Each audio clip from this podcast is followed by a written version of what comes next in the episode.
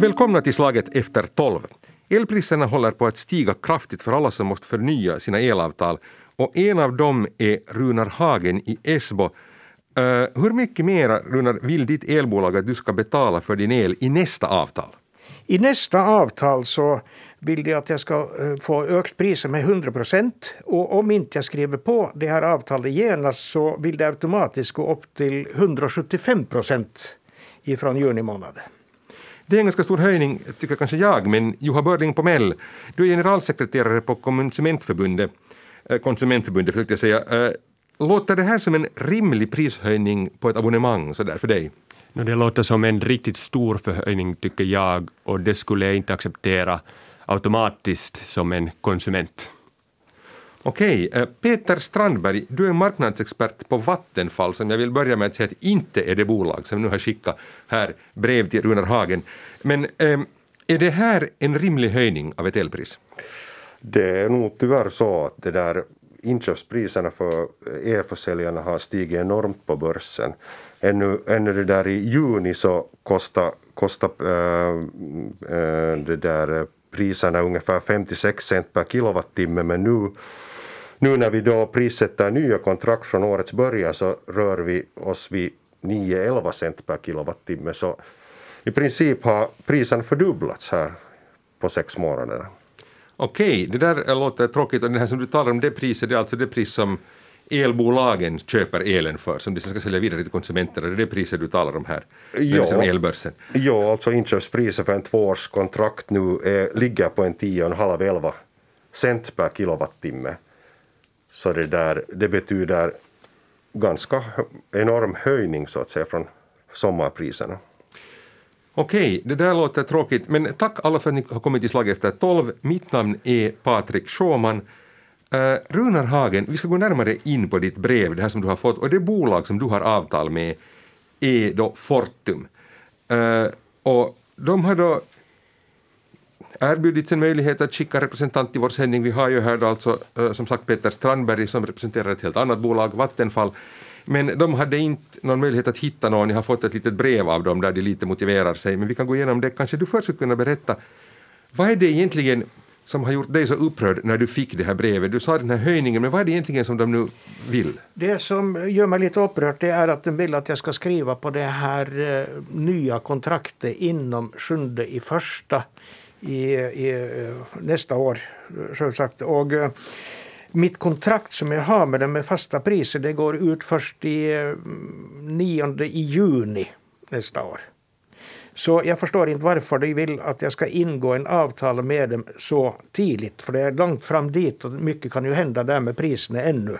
Och då skulle jag kunna få en sån eh, garantiavtal garanti avtal med det så att om priserna går ned så ska jag kunna få sänka priserna om jag betalar ett tillägg per månad.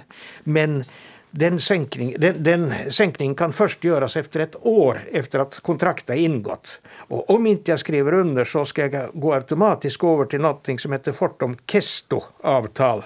Och då vill de göra den stora höjningen, alltså på 175 procent. Så att då skulle jag betala för, för eh, dagelen 5,90 som jag har nu och den behöjade till 13,93. Alltså för att klargöra det här, det vad de erbjuder är alltså ett tvåårigt avtal. Om du binder då det för två år så att du vill vara kund hos Fortum också i fortsättningen så då får du ett lite billigare pris. Men om du tar ett sådant annat avtal som du kan säga upp på två veckors varsel så då stiger priset ännu mycket mera. Jo, det gör den. Uh, okay. Och den har, den har satt automatik i det här. Och det är lite tvetydigt. Så här står det att om du inte skriver under på den här nu genast så har jag förstått det så att det skulle gälla redan från 1 januari. Men så är inte fallet, men att det är ganska svårt att tyda sig fram till det. Okej, okay, så det här är alltså ett brev. Um, Juha Börling på Mell, um, ehm, det här kom många frågor egentligen. Varför så tidigt? Varför så Hur låter det här i dina öron? No, det låter mycket intressant måste jag säga. Alltså, för det första så skulle jag vilja kommentera på det sättet. Det kan delvis handla också om marknadsföring, alltså de skulle vilja få högre priser och det är förstås för att, att köpa el för Fortum, det, för Fortum har också blivit eh, dyrare. Men att det, och det, för det andra så skulle jag vilja kommentera att det skulle vara mycket viktigt för Fortum och för, för alla möjliga elbolag att skriva så tydliga brev som möjligt, att konsumenter som tar emot de där breven, att de förstår vad det betyder. Och sen för det tredje så skulle jag vilja kommentera på det sättet att eh, vi måste komma ihåg som konsumenter att det finns mycket konkurrens i, i elmarknaden. Det betyder att då vi köper el så det finns många, många leverantörer som vi kan, så, vi kan, som vi kan köpa från. Så därför borde man alltid inte bara acceptera, som jag sa i början, att man ska inte bara acceptera eh, ett, ett, ett sådant anbud eller sådant offer, offert, offert, utan, utan man ska, man ska alltid kon konkurrensutsätta äh, sitt el. Och det är mycket viktigt. Det är mycket viktigt, säger du. Jag ska kort säga det, alltså som sagt, äh, Fortum hade inte möjlighet att skicka någon representant hit, men de har skickat åt mig ett brev, det är ganska långt, men jag plockar upp här nu kort, äh, vad som liksom de ser, att de ser att de alltid skickar ett sånt brev till sina kunder när elavtalet håller på att ta slut. Och de säger då att Fortums konsument och affärsverksamhet Eh, anskaffar all sin el på elbörsen, som vi redan hörde här om Peter Strandberg berätta om. Och avtalens prissättning baserar sig alltid på marknadspriset på den här elbörsen. Och så konstaterar också de att det här brevet det är liksom inget tvång utan det är ett erbjudande, säger de. Runar Hagen, blev det här klart för dig när du läste det här brevet? Nej, det blev inte klart för mig för att här står det högt och tydligt att om inte det här, jag accepterar det där avtalet så går det automatiskt över på Kesto som ger alltså en ökning på 175 procent. Så det ser inte alls bra ut. Jag tänkte här kolla först med Juha Börling på mail vad han tänker om det här, men om vi först ska säga här, Peter Strandberg, du fick göra någonting du ville tänka på, som vill lyssna på dig först. Ja, nu är det ju så att enligt ellagen så måste kunden göra aktivt val när det är frågan om fasta priser eller tidsbundna kontrakt. Och då måste elförsäljaren i sina brev berätta att om inte kunden godkänner de nya priserna så måste man också informera att man faller på ett tills vidare kontrakt också meddela priset vad den kommer att vara. Mm. Så vi, elförsäljarna elförsäljaren gör helt enligt ellagen, det är helt rätt att göra det. I Finland har vi så att, att kunden måste alltid aktivt godkänna ett nytt erbjudande. I Sverige är det annat, där är det passivt. Om man skickar ut ett brev och kunden inte svarar någonting så hamnar kunden automatiskt på ett nytt fastpriskontrakt. Så egentligen har vi bättre situation i Finland. Men um, Juha Börling på Mell, uh, du sa att det är jätteviktigt att man ska konkurrensutsätta sin el. Ett sånt här brev, jag vet inte, uppfattar man det på det sättet, tror du vanligtvis? Mm. Alltså det är nu ganska typiskt att sådana här elbolag inte vill förstås säga det att du som konsument ska konkurrensutsätta liksom våra priser, utan de erbjuder vad de har. Men därför är jag här till exempel och vi som konsumentförbundet uppmuntrar konsumenter att komma ihåg det här och göra det här. Men att, och, och här ser vi just i det här fallet som vi hörde att sådana här tills vidare gällande avtal, de är förstås dyrare för konsumenter än jämfört med sådana här tidsbundna avtal. Och det är precis vad det står där, men, det, men hur man förstår det, så det är en annan grej. Okej, okay, uh, Runar Hagen, um, vad tänkte du? Tänkte du genast att du skulle bli konkurrensutsatt eller vad tänkte du när du fick det här brevet? Jo, jag tänkte jag skulle sitta på det och vänta lite för jag tror det där att det är klokare att ta det senare. Och jag har bytt elbolag ett par gånger ifrån jag eh, fick egna hemshus här för några år sedan. Och eh, då var det att börja med Fortum så fick vi plötsligt ett knalltillbud. Man gick på ett supermarked och där stod det någon ifrån något som heter Green Energy. Och de hade ett jättebra erbjudande vilket jag hoppade på. Det var ett tvåårigt avtal. Och då är det ganska konstigt för att eh, när det var igen ungefär ett par veckor av det avtalet, då ringde de upp ifrån Fortum och gärna ville ingå ett avtal med mig. Och då var det inte tal om att man hade nog lång tid och så vidare, men att de ringde och, och hijackade mig där.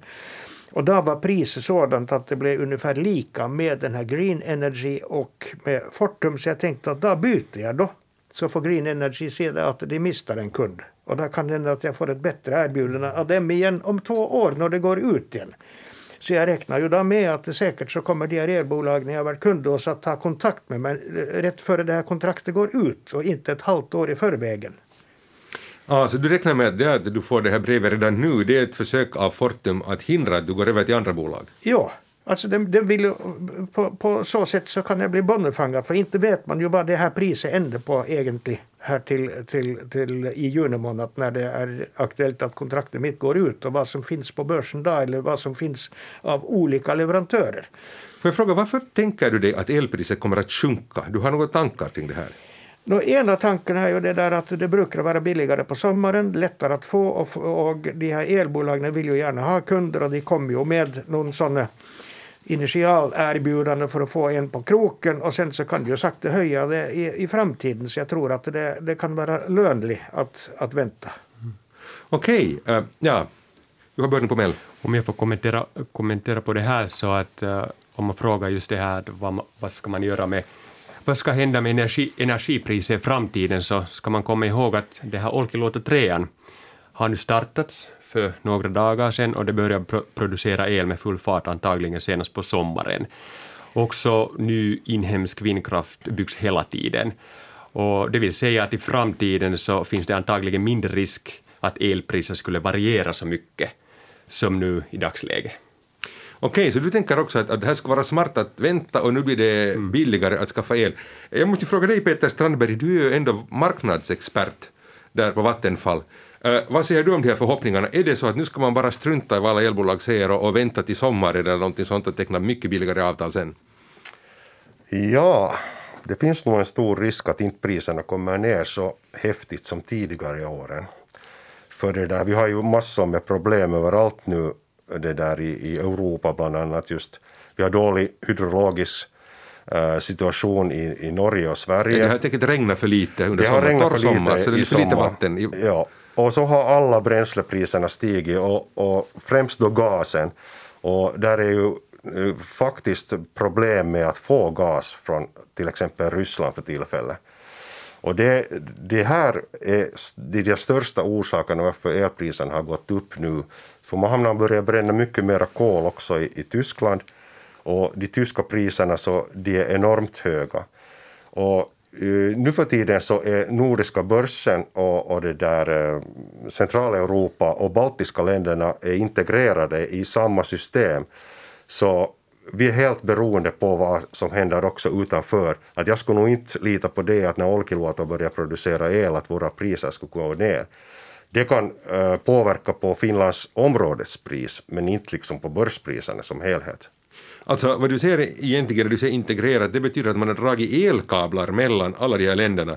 Eh, vad är det, från Norge ner till Europa och Norge har massor av vattenkraft och sen så har man dragit kablar mellan Sverige och Finland och mellan Finland och Baltikum. Så att därför när det är inte så att all el nu kan flöda, om jag nu har förstått rätt här, utan det är liksom en del, men i alla fall så påverkar det priset när en del av elen kan säljas till de här andra ställena. Så att när Mellaneuropa som är mycket beroende av naturgas. Inte får all den naturgas de skulle behöva, priserna stiger, så då börjar de köpa dyrt från Norge. Och då stiger liksom kraften här. Och det här hela systemet finns här. Det är jätteintressant. Men Runar Hagen, eh, du som har norska rötter, markera genast när Norge kom på tal här och vattenkraften. Vad ville du säga? Jo, jag gjorde det och det är inte kritik till Vattenfall men vissa elbolag i Norge de har drivit och sportat med saker som jag läste om här nu. Att de har tappat ned vattenreserven och så säger det dålig vattenreserv bara för att trigga priserna upp. Så det, det, har kommit fram och det går stora diskussioner i Norge just det här nu. Och Norge är i princip så har de 10 mera produktion än vad de behöver själva i eget land. Men det var efter att de öppnade en kabel mellan England och Norge, det var då priserna exploderade. Mm, jag förstår ju det här. Eh, jag måste fråga då, eh, Peter Strandberg, du som känner till det här, jag tycker det låter dessvärre väldigt logiskt om man sitter på vattenkraft i Norge och kan välja med att sälja billigt till Finland eller dyrt till England så då förstår man ju att det finns ett klart incentiv att dra en kabel och kanske flera kablar till England eller resten av Europa och sälja dyrt dit. Uh, ja, absolut. Uh, det som han talar om just här är den här kabeln som öppnades första i tionde till England. Och det stämmer, uh, södra Norge har varit i brist på el. Det är främst i norra Norge var det där det finns massor med el, överloppsel, men problemet är ju det att det finns faktiskt kablar direkt till Finland till exempel, som vi skulle kunna utnyttja. Utan, utan det där, vi har sådana så kallade flaskhalsar i olika uh, delområden, både i Sverige och Norge. Det, det gäller samma sak för södra Sverige, så de har ju inte egentligen någon eh, energi, det där, produktion där, utan de, de det där eh, får sin el från SC3-området, alltså Stockholmsområdet, var det då finns mera produktionsanläggningar. Och i situationer då det är vindstilla i södra Sverige till exempel, så måste man importera dyr, dyr elektricitet från, från det där Tyskland. Så det finns också fördelar med de här kablarna i vissa situationer då det är energibrist eller elbrist så kan man också importera och inte bara exportera. Det låter ju bra i och för sig och jag förstår att det har hänt faktiskt nu ganska nyligen att man har tvingats i Sverige importera el. Ja, det hände just här vid självständighetsdagen och, och där var också ett sådant problem att det var ett stort uh, kolkraftverk i Polen som, som så att säga stannade upp och, och, och så har de också haft de baltiska länderna nu jätteproblem med sina gasanläggningar också därför för att de inte har fått sina gasleveranser. Så vi har ju exporterat också el från Finland till till exempel Estland och där, därifrån vidare till, till Latvien och, och det där på det viset så det är ju det som också höjer priserna. Ja, Litauen. Litauen skulle jag säga. Ja. Ja. ja, det här är ju en, alltså det här blir en jättekomplicerad helhet. Här med i det här kommer dels det att, att som du ser, när det är vindstilla så står vindkraftverken och så beror det på hur mycket det regnar, vad man gör i Tyskland, vad man gör i Baltikum, hur tänker Ryssland om gasen, kan man få dessutom köpa sån här flytande naturgas på marknaden, den är också dyr, den går nu till andra ställen i världen. Äh, Runar Hagen sitter i Esbo och undrar att kommer hans elpris att sjunka? Ska han nu teckna det här avtalet med uh, Fortum eller lönar det sig att sitta och vänta till sommaren? Och, och, och, han tänker sig att det ska bli bra, Olkiluoto kommer och du säger att nej, det kan man inte lita på. I hela den här... Uh, men hade du sa att det här Olkiluoto kan ha liten effekt på det här områdespriset i Finland. Det är också jättekomplicerat att förstå. Alla länder har ett eget pris på elmarknaden. Eh, tänker du att Olkiluoto äh, eh, kan hjälpa någonting? Eh, I Finland nog. Och det är bra att vi blir egenförsörjade här med el, så att säga. Det, men, det, men kan Runar Hagen lita på det nu? Ska han vänta på det på sommaren? Ja, det där... Han, han konsumerar ju i Finland. Han har ju inte något bråttom i, i, i för sig, det där, för att det är först första sjätte som kontraktet går ut, så att säga. Ja. Så han kan ju vänta ännu hela våren, för att det, han kommer säkert att få ett nytt erbjudande från Fortum också. Så skulle jag vara han så inte skulle jag konkurrera det där priset nu för tillfället och, och försöka få någon annanstans från billigare el, för det får han inte. Priserna ligger mellan 9 och 11 cent per kilowattimme för alla försäljare idag.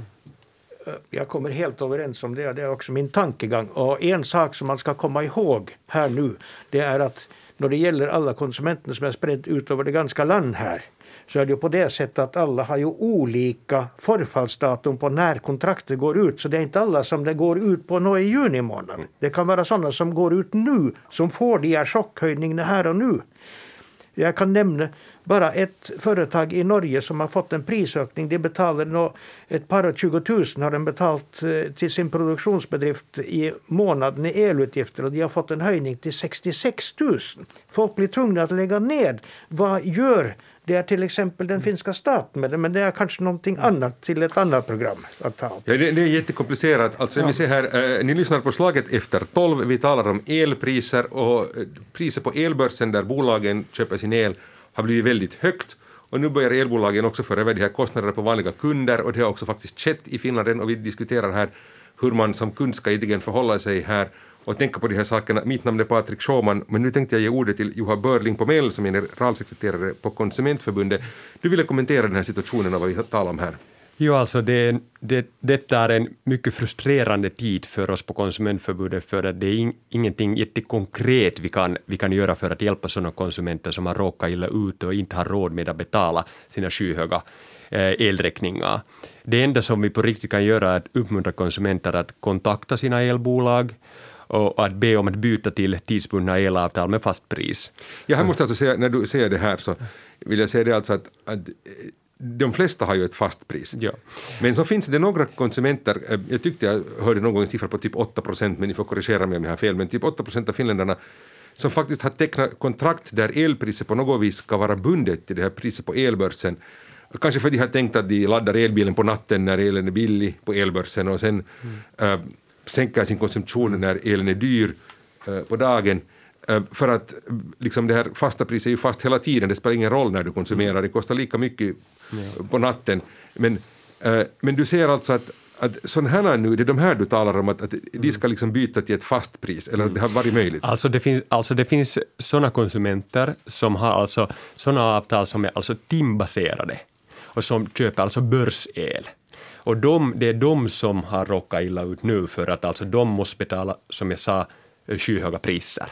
Och, men i, i vissa fall har må, många bolag, elbolag, har, har låtit dem att liksom byta till sådana eh, till såna avtal som har fasta priser, fast de har haft liksom tidsbundna avtal med börsel. Och där, därför liksom det, och det är, mycket, det är mycket bra sak förstås, och vi vill som konsumentförbundet också tacka sådana här bolag, elbolag, och därför säger jag bara att om du har råkat illa ut och om du har inte råd med att betala dina räkningar, så för det första så kontakta, du ska kontakta eh, elbolaget och be om eh, förlängd betalningsperiod, för det första. För det andra, om du har ett sånt här börselsavtal så ska du försöka få ett sånt här tidsbunden, tidsbundet avtal med fast, fasta priser. Och för det tredje så måste du komma ihåg att de här e-bolagen de får inte avbryta elleveransen på grund av en obetald räkning så här bara, utan att det måste, det måste ta en lång tid innan något sånt kan göras.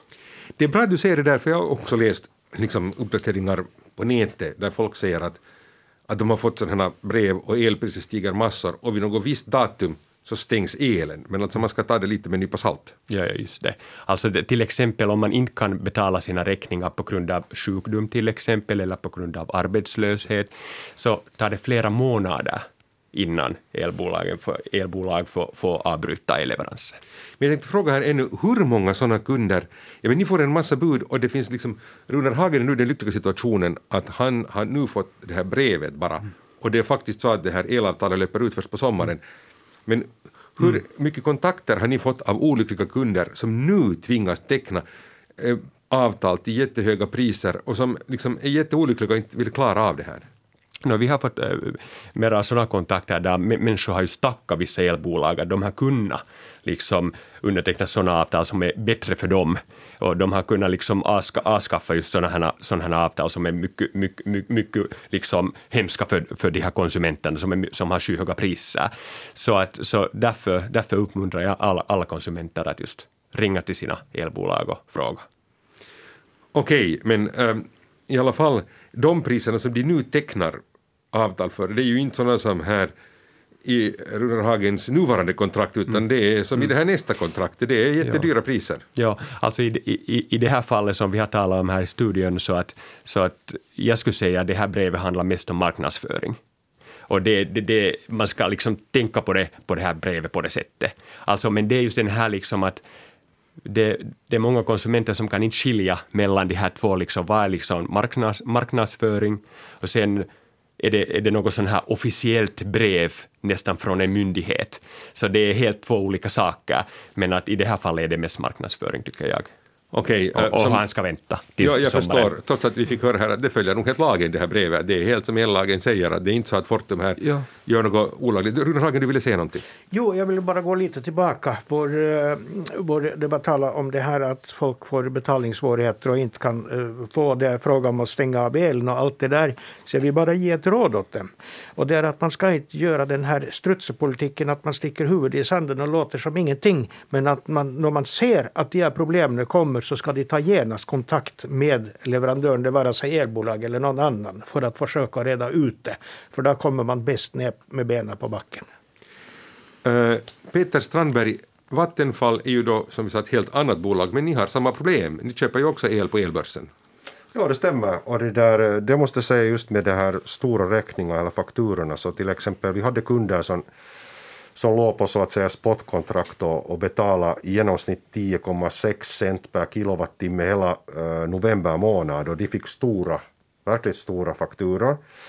På Vattenfall så har vi som princip att vi går med på en betalningsplan så att säga för kunden. Vi, om jag kommer rätt ihåg så är det rent av tre, fyra månader extra betalningstid och vi delar upp hela fakturan så att säga på många rater för att hjälpa förstås våra kunder. Vi förstår i vilken situation de är.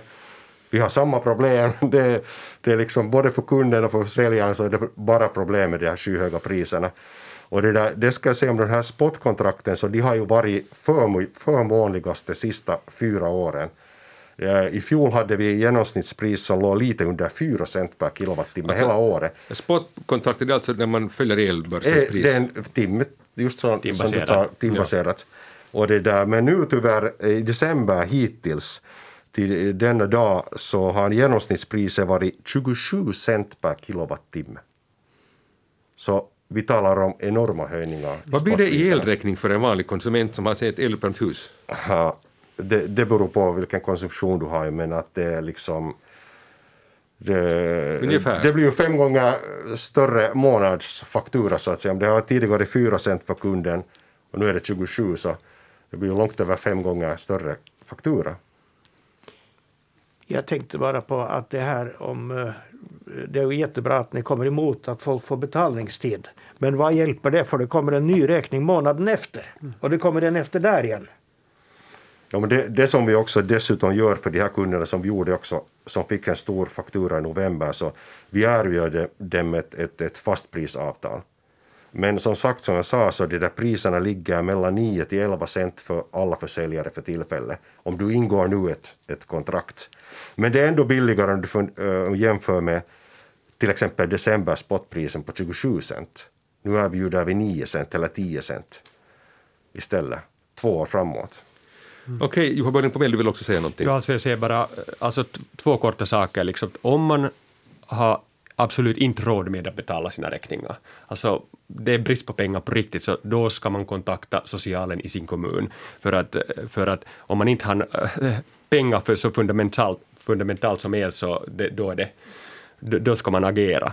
Och för, för det andra så skulle jag vilja kommentera bara kort att om man har ett sånt här eh, teambaserat börselavtal, så då är det mycket viktigt att komma ihåg att man borde alltid ha en ekonomisk buffer för att då, då kommer det sådana här skyhöga priser ibland, men på längre sikt är det, är det nog vanligtvis billigare för konsumenter att ha sådana avtal, men det är på längre sikt. Sen kommer det sådana här tider då det är mycket, mycket, mycket dyrt och då behövs en sån här ekonomisk buffer. Ja, det måste man kanske säga här att det som nu är konstigt är kanske inte att det här spotpriset har varit högt, utan det har varit högt så länge. Att vi har en helt annan nivå. Och priset sågar förstås upp och ner, men det håller sig mycket mera uppe på sådana höjder där man inte är van att ha det, så att också om man har tänkt sig någon buffert i något skede så äts det nog snabbt upp av de priserna vi har haft under senare tid. Uh, fortfarande alltså Peter Strandberg, alltså det här börjar bli, så tillvida är det ju här en deprimerande sändning att det, det finns inget löfte om billigare priser. Jo, vi får Olkiluoto, men det blir lite oklart. Det kan påverka priserna just i Finland, för om finländska spotpriserna går ner, och det är alltså då talar vi också om priserna på den här elbörsen, så då blir det ju billigare för de bolag som säljer el i Finland att köpa el, om jag förstår rätt. Uh, det gäller inte fastprisavtal för uh, från, försäljarna köper helt andra produkter från börsen då. Då talar vi om kvartal eller månadsprodukter eller årsprodukter. Så det har ingenting att göra med själva spotpriset. Uh, när Olkiluoto körs igång i juni så kommer det att inverka direkt på spotpriserna, men inte på forwardpriserna så att säga. Alltså det som är grunden till fastprisavtal.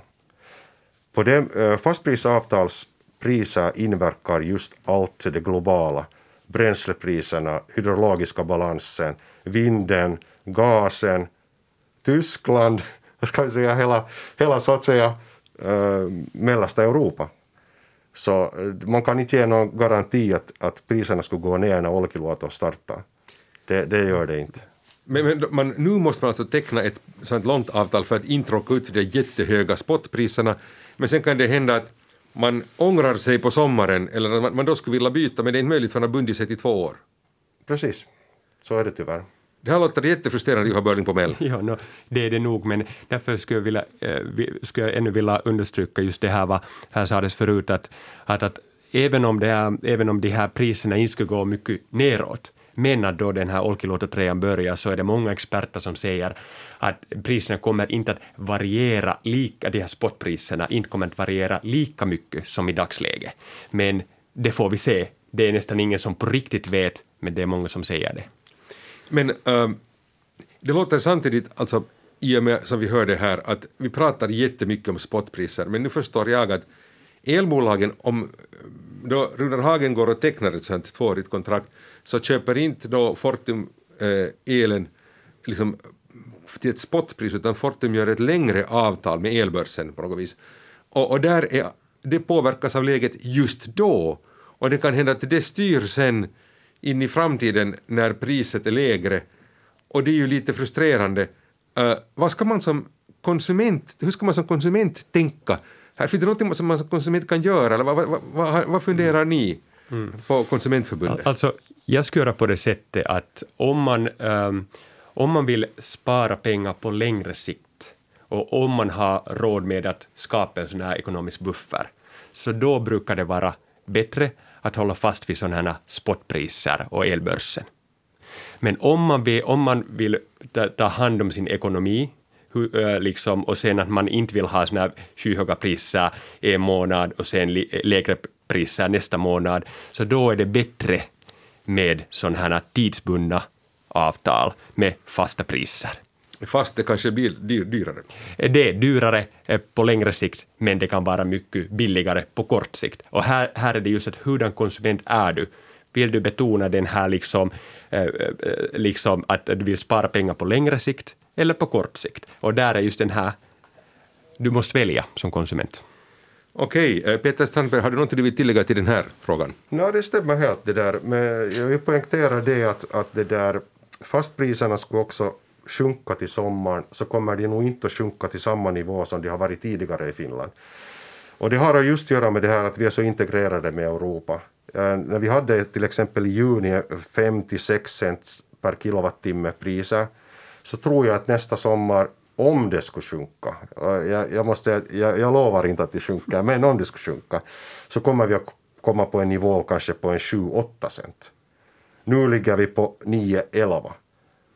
Så det där eh, riktigt billiga priser kommer vi nog inte att få i nästa sommar. Och det, det har att göra med det att enligt, enligt väderprognoserna så kommer vi få väldigt kall och torr vinter. Ända till mitten av januari så har de lovat verkligen lite nederbörd. Och det betyder det att vi kommer inte att få snö och det betyder det att i vår så finns inte tillräckligt med snö som ska kunna smälta och fylla de här vattensilorna. Så jag tror att, att vi kommer att ha ännu relativt höga priser på våren, kanske långt över sommaren ännu. Och om det eventuellt regnar massor på sommaren så kan det bli till och med billigare priser till hösten. Det här är långa tidsperspektiv och svårt att veta vad man ska eh, fundera här. Runar Hagen som elkund i Esbo, när du hör allt det här, då ska du veta hurdan kund du är och om du vill ha fasta priser eller rörliga priser och, och fundera. Eh, hur ser du på det här nu efter den här sändningen? Alltså fasta priser är ju alltid bra för då kan man ju liksom lite spå om sin egen framtid, eh, sin egen ekonomi. Så det är ju en säkerhet på det sättet att då vet man vad det kostar. Jag har nog värderat att gå lite andra vägar så jag vill seriöst nu gå in för att hitta ut vad kostar det mig att sätta lite solpaneler på taket och vad kan jag få för intjäning på det. För det finns ju massor av tak omkring i Finland som det eh, ryms solpaneler på. Det är bra här, Juha Börling visar tummen upp. Yes, precis. Det låter mycket bra. Det, det tycker jag också. Det är väldigt smart, fiffigt att just att ha solpaneler. Det är också några sådana som har till, till och med privat vindkraft i, i småskala. Men att det lönar sig alltid, tycker jag.